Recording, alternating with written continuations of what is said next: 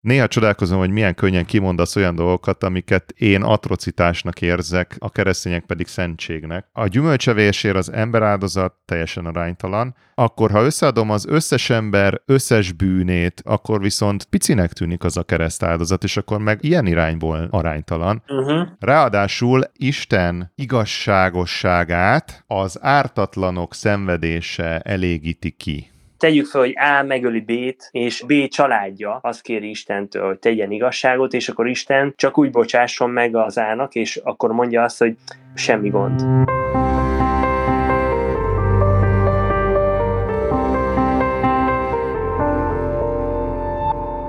Sziasztok, ez itt a Létkérdések Podcast 11. része, engem Szilvai Péternek hívnak, és itt van velem Szabó Viktor, hello!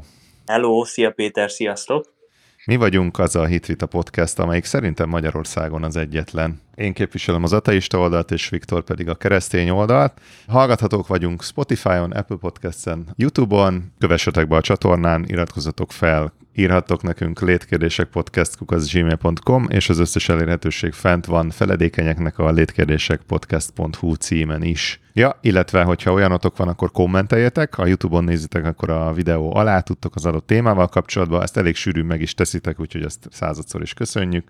Uh-huh. Az elmúlt két részben ugyebár Isten igazsága volt a témának a központjában, hogyan alakul a rendszer ugye a bűn körül, az igazságszolgáltatás, a mennyi és a pokol körül, és ennek nyomán organikusan is kiukadtunk ennek a centrális pontjához, ami ugye Jézus Krisztus, a kereszthalál, ez az áldozat, az ezzel való kiengesztelődés. Ez ennek az egész isteni igazság témának egy központi eleme, és egyben egy olyan elem, amit én hát nulla éves koromtól nagyon sokáig tartó katolikus neveltetésem során valahogy soha nem értettem meg. Hiába a templomban ülés, hiába a hittanóra, hiába a bérmálkozás, és meg annyi ilyen kitettség ezeknek a témáknak, valahogy egyszerűen nekem nem állt össze. Uh-huh. A mitológia alapját nem kell senkinek sem elmagyarázni. Ugye van az az alapfelállás, hogy az emberiség az bűnös, nincs, nem létezik olyan ember, aki bűntelen lenne, emiatt kvázi mindenki hát tulajdonképpen talán a pokolra lenne predestinálva, vagy, vagy legalábbis kétséges, hogy a mennybe bebocsájtást nyerhet-e önnön jogán és erre az a, az Isten válasza, hogy Jézus leszáll a földre, feláldozódik kvázi egy emberi áldozatként, és akkor ennek nyomán a bűneink valahogy el vannak törölve, de innentől már nem igazán értem, mert közben továbbra is van bűn, továbbra is kétesélyes, hogy mennybe vagy pokolba jutunk, illetve az, hogy Isten a megbocsátásáért egy emberáldozatot kér, de ha mondjuk én akarok valakinek megbocsájtani, megbocsátani, akkor egyszerűen csak megbocsájtok. Uh-huh. Tehát van egy ilyen könyvelési jellege, hogy itt ki kell valamit nullázni, de közben saját magát áldozza fel, de közben egyébként meg csak három napig, illetve két éjszakáig, mert utána feltámad.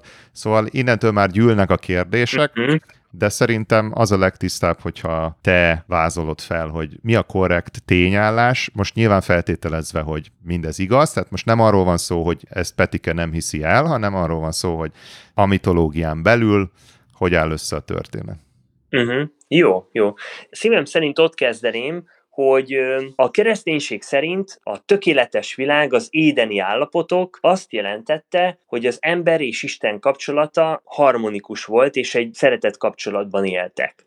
És aztán a bűneset azzal történt, amikor az ember, tehát hátat fordított Istennek, aminek a, ez a gyümölcsbe harapás volt. A. Ebben nyilvánult ez meg, hogy Isten mondott valamit, hogy ezt ne csináld, az ember megcsinálta, és ezzel lényegében saját kezébe vette az élete irányítását, fellázadt Isten ellen, és ennek nagyon sok következménye volt, de már a bűneset után Isten megígérte, hogy küld valakit, aki által helyreállítja azt a megromlott kapcsolatot, és azt a helyzetet, ami kialakult. Uh-huh. Tehát eddig ott tartunk, hogy volt egy paradicsomi állapot, amiben az embert beletette az Isten. Ugye beszéltünk a múltkor már arról, hogy szabad akarat, meg töröről lehet erről eszmét futtatni, hogy miért is evett az ember a gyümölcsből, de evett. Uh-huh. Ez szabályszegés volt, amiért hát elég végletes következménye lett, hogy egyrészt bevezetődött a rendszerbe a fizikai halál, másrészt Istennel nem csak Ádám és Évának, és nem csak átmeneti időre, hanem örökre, és az egész összes utódjaiknak is megromlott a kapcsolata. Igen. Itt tartunk most. Igen. A következő pont az, ahol egy gyökeres eltérés van a keresztény meg a többi vallás között, nevezetesen, hogy mi a megoldás. Szinte minden világvallás a megoldást benned látja. Tehát neked kell valamit csinálnod, hogy az ideális állapot visszatérjen, vagy legalábbis közelebb juss hozzá. A kereszténység annyiban egyedi, hogy világosan tanítja a Biblia azt, hogy ez lehetetlen. Ez egy olyan út, amikor az ember a törvény próbálja megtartani, ami kudarcra van ítélve. Isten törvényének nem tud senki megfelelni. Amikor Isten a törvényt adja, ő nem azért adja, hogy megtartsuk, mert tudja, hogy nem fogjuk tudni megtartani, hanem pont azért adja, hogy ráébredjünk, hogy nem tudjuk megtartani, és szükségünk van az ő kegyelmére. Hűha. Érted? Csóválom a fejem, de értem. Itt jön a történetbe Jézus. Ahhoz, hogy egy ember bűnét eltöröljük, itt ugye két dolog feszültsége van. Hogyha valaki tesz valamit, ami rossz, és én ezt nem büntetem meg, akkor nem vagyok igazságos. Mondjuk, hogyha egy bíró vagyok, hogyha oda jön hozzám valaki, akit megvádolnak azzal, hogy mit tudom én, ellopott, vagy elrabolt, vagy megölt, vagy stb. XY, és én simán elengedem, akkor jogosan vádolnak meg az emberek, hogy én nem vagyok egy igazságos bíró. Viszont, hogyha én igazságos vagyok, és például ez az ember halált érdemel, mert olyan súlyos dolgot cselekedett, de történetesen ez az ember mondjuk az én fiam, akkor nem szeretném, hogy meghalljon. Tehát egyrészt Isten szeretete arra ösztönzi őt, hogy megmentse az embert, mert ő nem szeretné, hogy az ember elvesszen a bűnei miatt. Másrészt viszont, mivel Isten igazságos, és ez a természetéhez tartozik, ő nem teheti azt, hogy csak úgy simán elengedje a bűnt mindenféle következmény nélkül. És ennek a feszültségnek a megoldása a kereszt, Jézus váltsághalála, ő ugye nem követett el bűnt. Ő neki a saját bűnért nem kellett megfizetni, mert a Biblia szerint ő tökéletes volt, nem volt bűne. És ezért alkalmas volt arra, hogy minden ember minden bűnét a múltban, a jelenben, a jövőben magára vállalja. Tehát, hogy kifizette azt, ami a mi jogos büntetésünk lett volna. Hogyha mi ezt elfogadjuk, akkor Isten felment bennünket. Ez nyilván nem azt jelenti, hogy egyből tökéletesek leszünk, hanem egyfajta ilyen legális értelemben, mint amit mondtam, hogy könyvelési értelemben. Uh-huh. Vagy valaki kifizeti az összes hitelemet mondjuk a banknak. Pontosan, igen, igen sok kérdést lehet itt feltenni. Nagyon sok mindent ugye azzal kapcsolatban, hogy maga az igazságrendszer, ez a adósság elvű rendszer, meg a büntető megközelítésű igazságrendszer, hogy ez jó-e, ezt igazából cincálgattuk az előző két részben, tehát ezt mindenki hallgassa meg ott. Aha. Ha jól értem azt, amit mondtál, hogy Jézus a múlt jelen és a jövő bűneit is magára vállalta, ez szerint ez azt jelenti, hogy a történelem során élt múltban, jelenben és jövőben élő ember üdvössége is garantált. Ö, na, hogy mondjam, nincs olyan ember, aki azt tudja mondani, hogy hát figyelj, én olyan rossz dolgokat követtem el, annyi embert öltem meg, hogy hát oké, okay, hogy Jézus ilyen jó volt, meg ilyen nagy áldozatot hozott, de erre nem elég. Például Hitler, meg Stalin, meg Mao Zedong, meg most képzeljük el az összes ilyen Osama Bin Laden, most így egy sorba, őszintén azt mondanák, hogy ők bocsánatot kérnek, és megvallják, hogy ők bűnösek, Jézus áldozata az ő nagyon sok és nagyon komoly bűnök eltörlésére is elég lenne. A lehetőség mindenkinek adott ez a kérés, tehát hogy akkor Jézus áldozata még nem volt elég, van akkor még lépés, ami szükséges, és akkor ez a bocsánatkérés, ez mikor történik? Halál után, vagy halál előtt? Azért fontos az emberi élet, noha az örökkévalóság szempontjából érted semmiség, mert hogy ez az, ami lehetőséget ad arra az ember számára, hogy reagáljon.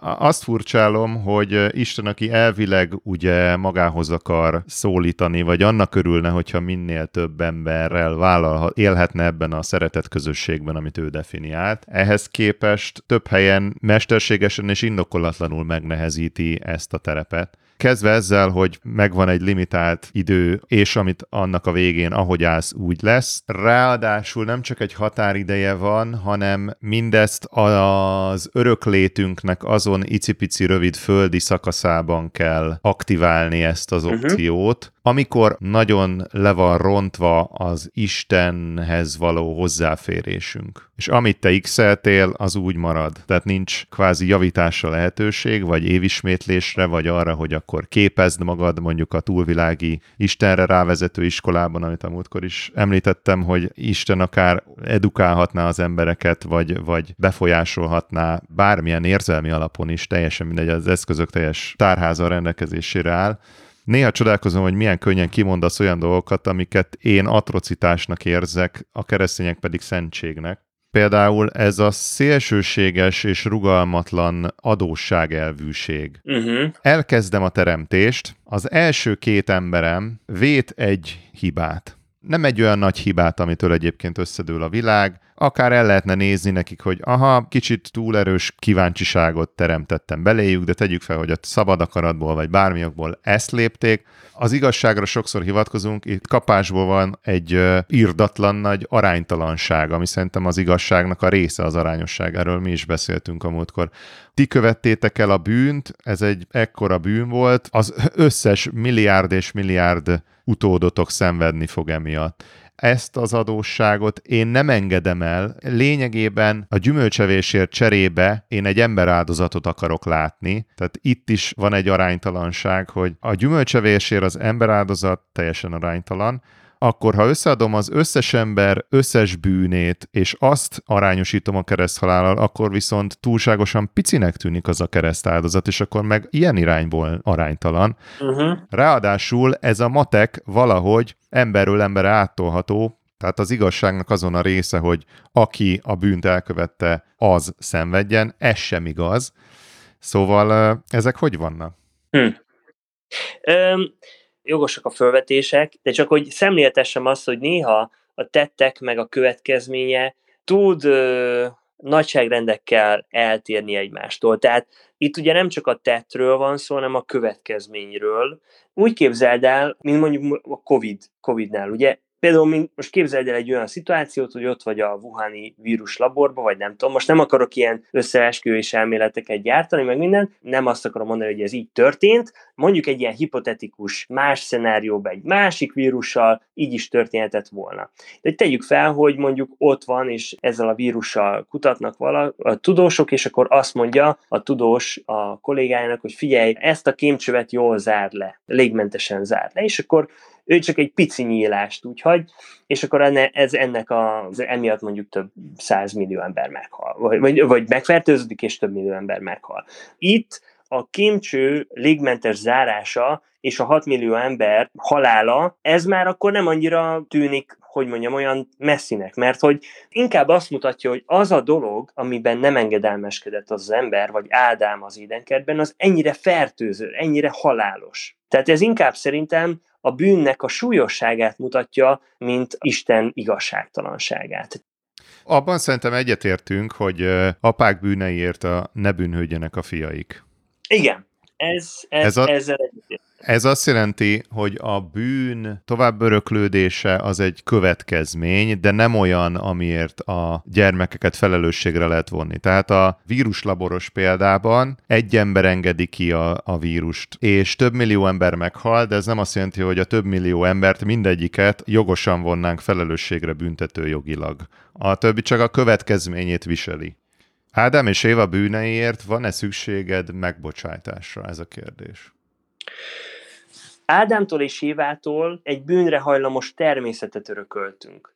ami miatt hiába nem én haraptam bele az a gyümölcsbe, én ugyanúgy tetéztem a bajt a saját. Tehát én nekem megvannak a saját bűneim, amik miatt ugyanúgy engem is el lehetne ítélni, mint őket, de nem gondolom, hogy az embereknek a más által elkövetett bűnökért kéne bűnhődnie. Legalábbis a Biblia ezt tanítja, hogy mindenki a saját bűnéért fog felelni. De maga a bűnös természet az, az öröklődni fog ez azt is jelenti, hogy akkor a bűnök száma az egyébként az emberiség számával arányosan szaporodik. Irdatlan mértékben akkumulálódik az évek során, Igen. az emberiség ugye számosságában nagyon nő, az életük is hosszabb lesz, rengeteg-rengeteg bűn keletkezik. Igen. Hogyan nullázza ezt ki, egy darab embernek a halálos ítélete, és nullához konvergálóan rövid, két-három napos utazása a pokolba. Uh-huh. Ez is egy nagyon jó kérdés. Itt szerintem a kulcs az az, hogy ez az ember, ez nem egy természetes ember volt. Tehát, hogyha Jézus csak egy ember lett volna a sok közül, akkor nyilván neki mindenkinek úgymond a bűnért külön kellett volna fizetni, és, és az a három nap az biztos nem lett volna elég. De mivel ő isteni természet, Isten fiaként tette ezt meg, ezért ez más kategória, minőségileg más kategória, mert az átlagos ember részben jogosan szenvedne. Viszont Jézus pedig abszolút jogtalanul, tehát nulla százalék volt az a rész a büntetéséből, ami az ő része volt. Tehát, hogyha nekem kellett mondjuk volna meghalnom, vagy valaki másnak, nyilván én is mondjuk meghalhattam volna mások bűnéért, de én nekem ugyanúgy ott vannak a saját bűneim, érted? És akkor én akkor... Tehát, tehát minél ártatlanabb embereket kell ezek szerint feláldozni, hiszen akkor ők egyre többet tudnak átvállalni, több ott a szabad kapacitás, amivel dolgozhatják lefele ezt az adósságot. Kvázi, ha ledobunk néhány atomot minél ártatlanabb helyekre, óvodákra, meg ilyesmi, akkor ott aztán lehet ledolgozni ezt az adósságot. Nem, mert, mert itt fontos szempont volt az, hogy Jézus önként vállalta ezt. Tehát Jézus többször elmondta, hogy ő ezt ő önként teszi, senki sem kényszerítette rá, meg hogy ez nem additív. Tehát érted, hogyha van két, ö, hát ki az ártatlan, érted? Ki, ki lehetett volna az, aki Jézus helyett azt mondja, hogy jó, figyeljetek gyerekek, én elviszem a balhét, nincs ilyen ember. Nincs olyan ember, aki sohasem védkezett volna saját maga, nem lehetett volna Isten Jézust így kipótolni három másik emberrel, vagy, vagy három százezer másik emberrel. Tehát minél inkább ártatlan. Oké, okay, akkor én ezt úgy fordítanám le, hogy Isten igazságosságát, ami lényegében egy szemet szemért elvre alapszik, az ártatlanok szenvedése elégíti ki. Meg a bűnösök szenvedése. De valamiért egy ártatlan, egy isteni szinten ártatlan szenvedése, az kielégíti ezt az igazság vágyat. Uh-huh jó irány, csak egyrészt az, hogy nincsen ártatlanabb, valaki vagy ártatlan, vagy nem ártatlan. Tehát megint itt vagyunk ennél a szélsőségességnél, bocsánat, ne arra, hogy hát, beleszólok. Figyelj, hogy, tehát, hogy... Hogy van az, mi, hogy az igazság attribútumának vélem az arányosságot. És itt az van, hogy az élet egy olyan dolgozat, ahol egy hiba egyes, ahol csak száz százalékkal mehetsz át. Nem, nem, nem, nem, nem a Biblia sem azt tanítja, hogy Isten mindenkit ugyanúgy büntet, meg ugyanúgy jutalmaz. Tehát azt tanítja a Biblia, hogy minden ember azt kapja, amit megérdemel. Keresztény, nem keresztény, stb. Mindenki azt kapja, amit megérdemel. A kérdés az az, hogy mit csinálunk azzal, amit megérdemlünk. Mert mindannyian halált érdemlünk, és de az... Mindannyian halál. Azért ezen is elidőznék, hogy azért egy átlag ember mondjuk viszonylag jó lélekkel, nyilvánvalóan elkövet valószínűleg erkölcsileg és még jogilag is bűnöket az élete során, Aha. de mondjuk vegyük mind a kettőnk anyukáját. Ránézünk, és azt mondanánk, igen, ő halált érdemel? Emberi szemmel nézve nem, de a tökéletes Istenhez képest Hát nála rosszabb, bocsánat, hát nem ő választotta, hogy ő csak pondró ember legyen. Értem, hogy van nála nagyobb és szuperebb, de ez önmagába feljogosít minket arra, vagy az Istent a nagyobbat arra, hogy akkor igen, az ő jogosan, az ő jussa a halál? Én értem, hogy, hogy amikor az embernek nem feladata az igazság, például cégvezetőként ugye elsősorban nem bíró vagy a többieknek, hanem menedzsere, kvázi trénere, vagy, vagy egy ilyen vezetője, akkor elhiszem, hogy ezek nem domborodnak ki ezek a, a dolgok, de hogy itt, itt, itt egy bírósági tárgyalásról van szó, ahol van egy bíró, és van egy vádló, van egy ügy, ügyész, meg van egy vádlott, akik mi vagyunk, és akiket egyébként jogosan vádolnak dolgokkal. És most a bíró nem mondhatja el azt, hogy főleg Isten nem mondhatja azt, hogy figyelj csak, tudom, hogy ezt, te ezt meg ezt tetted, de tudod mit? Tudod mit? Megbocsájtok. Ez, ez, a cool, ez a szó, amit keresünk. Megbocsájtok. De pont ez, hogy, de hogy mondjam, ez önmagába, tehát ez azért mondhatja Isten, és Isten tényleg ezt mondja, hogy megbocsátok. De azért, mert emögött ott van Jézus halála, aki miatt mégsem vádolhatjuk Istent azzal, hogy ő igazságtalan. Tehát, hogyha Hitler odaállna elé, és bocsánatot kérni, akkor Isten neki is azt mondja, hogy megbocsátok, azért, mert ott van mögötte Jézus áldozata.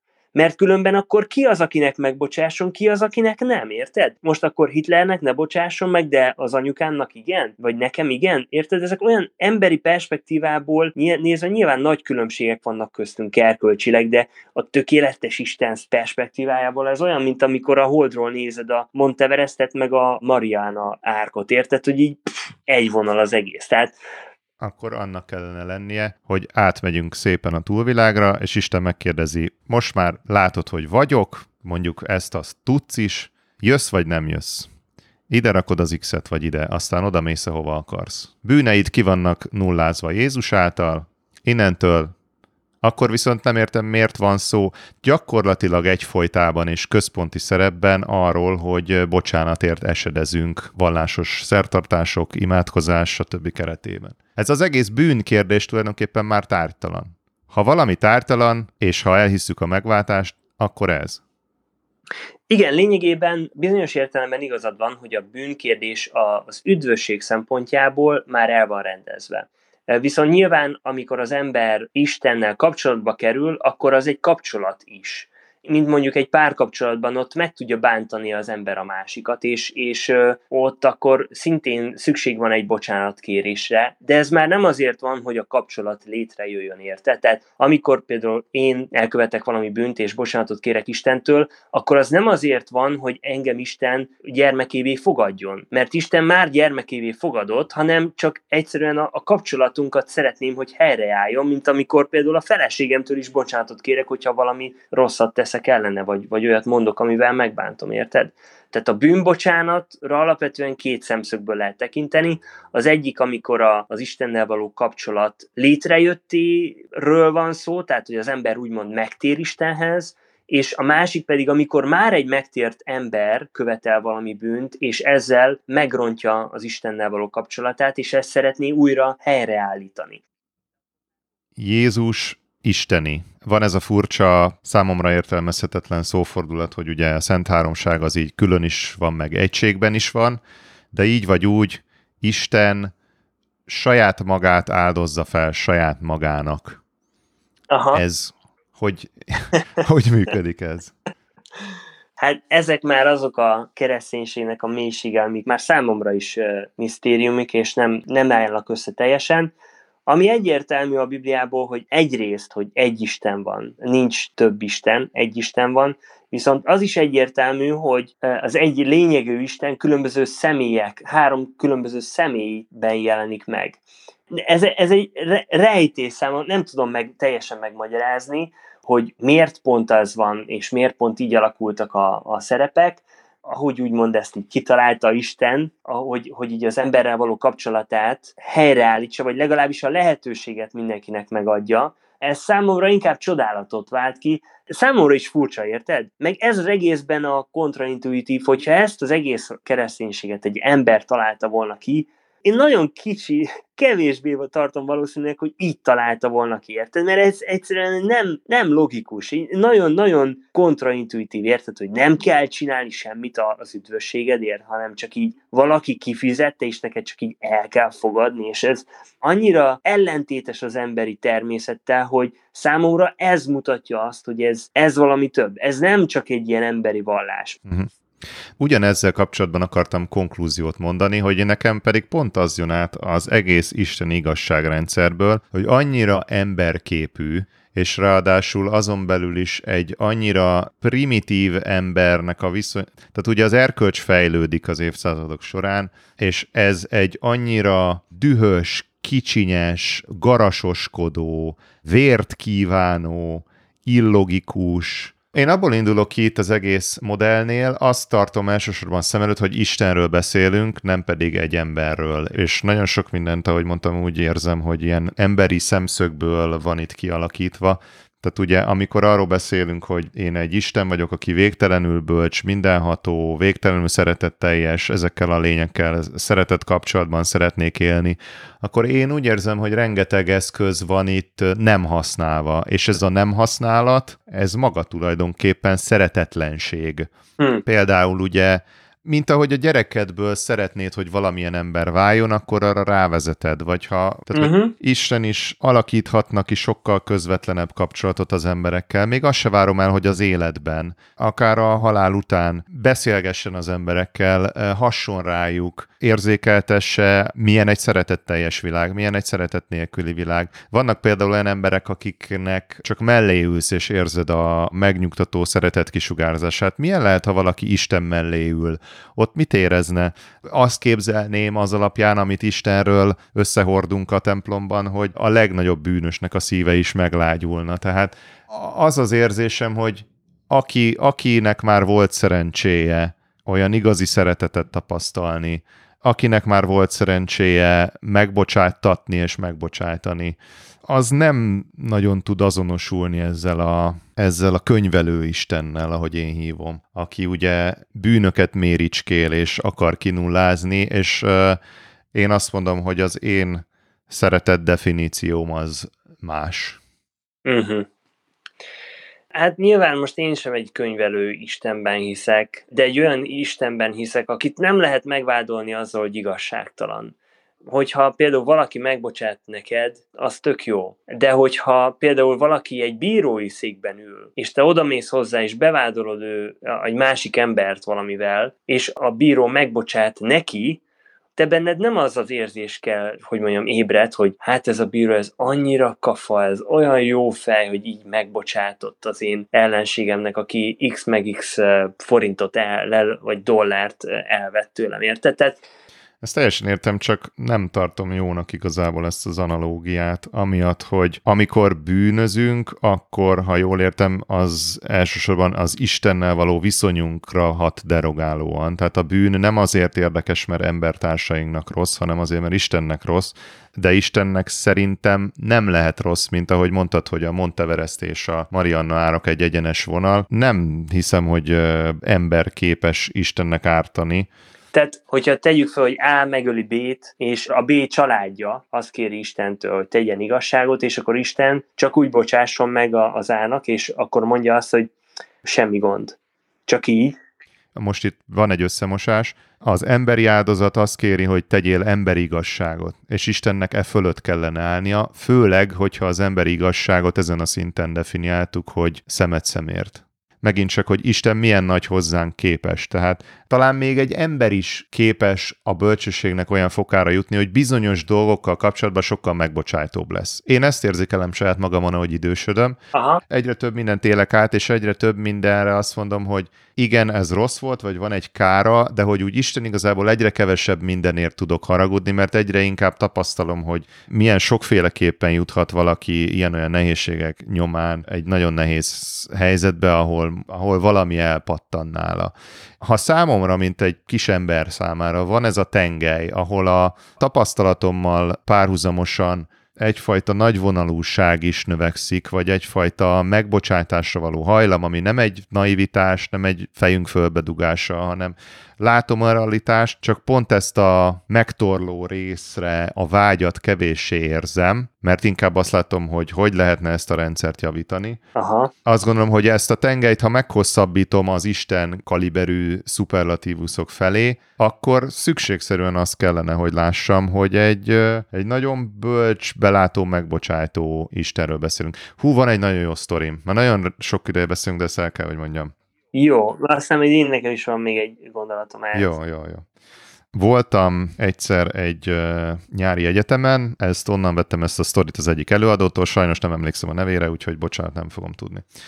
Egy apukának, aki az előadó volt, a kislánya Oviból hazajött, és egy papírlapot hozott, amin egy gyönyörű, szépen megrajzolt, szinte fotorealisztikus nyuszi volt látható, amit nyilvánvalóan a kivitelezéséből lehetett látni, hogy egyébként az óvónéni rajzolt, mosolyogva hozza az apja elé, és mondja, hogy oda néz, apu, milyen szépet rajzoltam az oviban.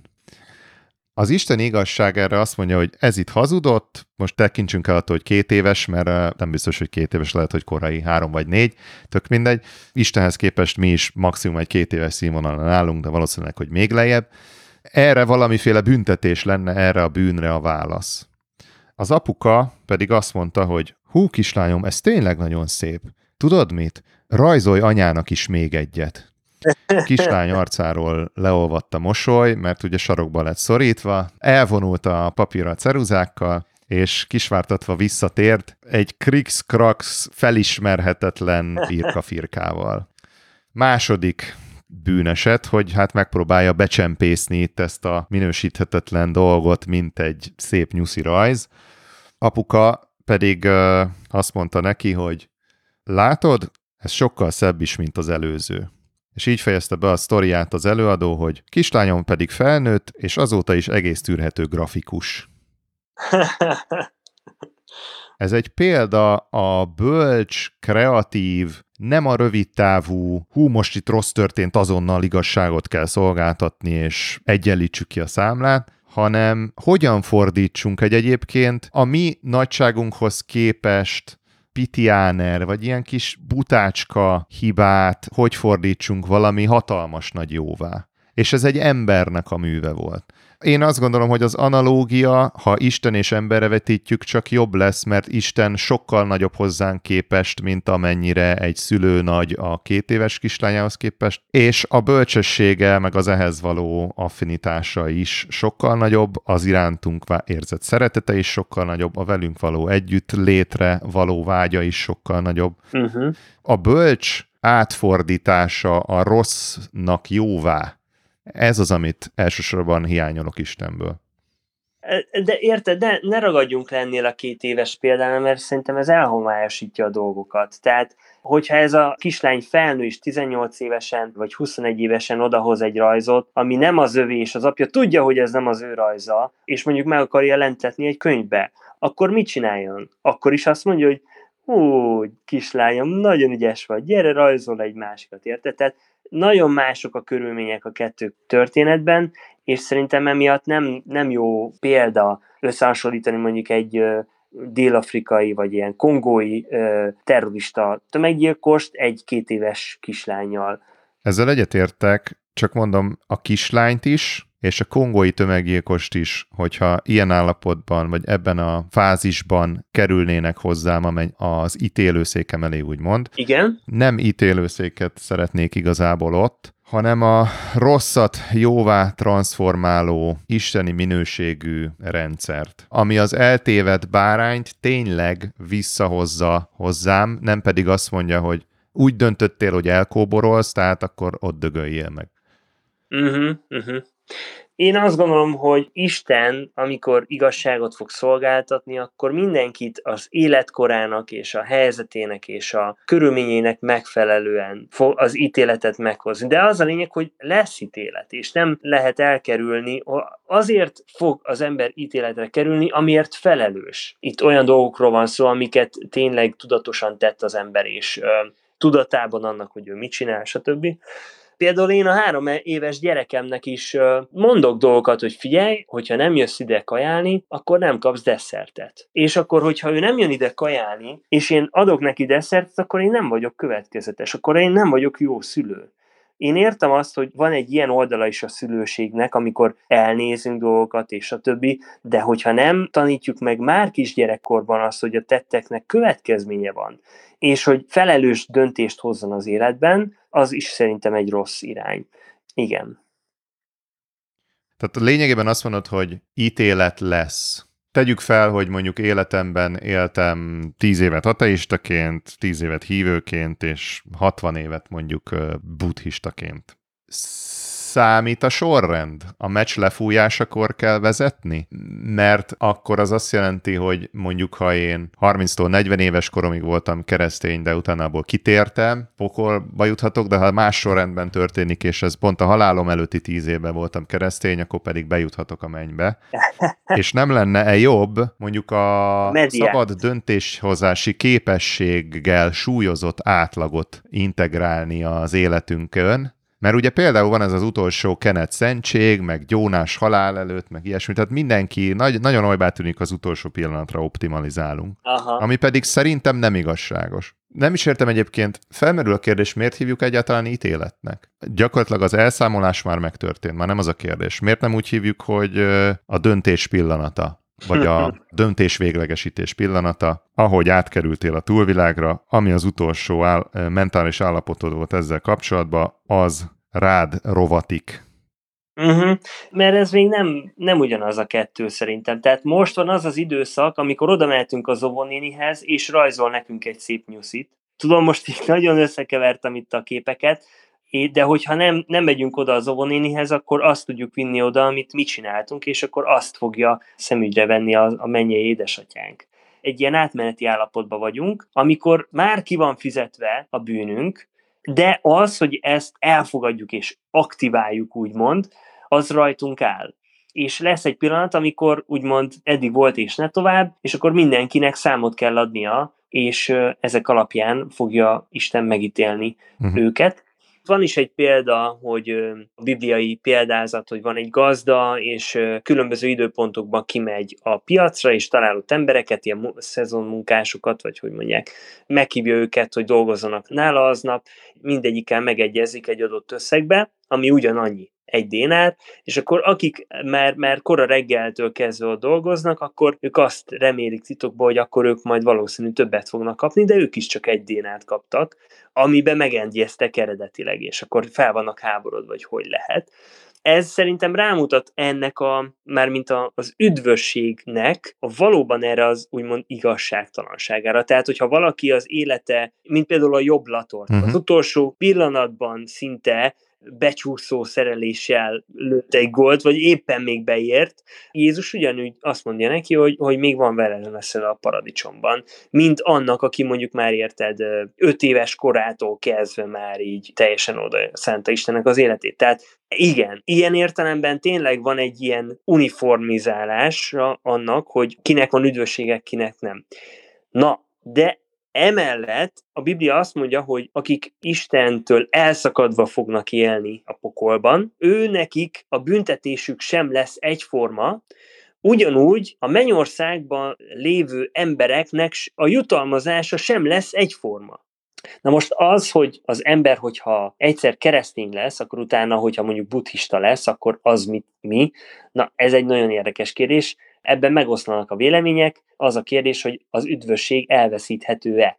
Vannak, akik azt mondják, hogy elveszíthető, van, aki meg azt mondja, hogy, hogy nem. Hogy olyan nincs, hogy egyszer valaki Isten gyermeke, aztán meg, meg nem. Tehát, hogy ha megszületsz, akkor megszületsz. Tehát, hogy az egy ilyen mhm. visszafordíthatatlan folyamat, és hogyha eltávolodsz Istentől, akkor eltávolodtál Istentől, de attól ugyanúgy Isten gyermeke vagy. Ami szerintem nagyon érdekes, amit mondtál a, a differenciálásról a mennyben is, meg a pokolban is. Egyrészt ez igazságos, tehát ez tök jó, ez egy pluszpont. Másrészt ez lényegében azt jelenti, hogy a pontosabb lenne nem is mennyiről és pokolról beszélni, mert azért valljuk be a hétköznapokban az van, hogy a menny az egy örökké tartó, fokozhatatlanul jó állapot, örökboldogság és ezerféle szó van rá, a pokol pedig egy fo- sírás és fogcsikorgatás, egy tűz, egy kárhozat, egy szenvedés, egy örökké tartó szörnyű állapot, pedig valójában az, amit leírtál, az egy kontinuum, tehát van a menny-pokol kontinuum, és nem tudom, hogy ott középen milyen nagy a távolság a leggagyibb menny és a legkevésbé rossz pokol között mekkora különbség, vagy ez egy ilyen hosszú utca, ahol, ahol van két ház, amik az egyik hmm. már a országba tartozik, a másik már menny országba tartozik, de igazából ugye nagyon hasonlóan él benne a két illető, ami között esetleg lehet, hogy van egy nagyobb rés.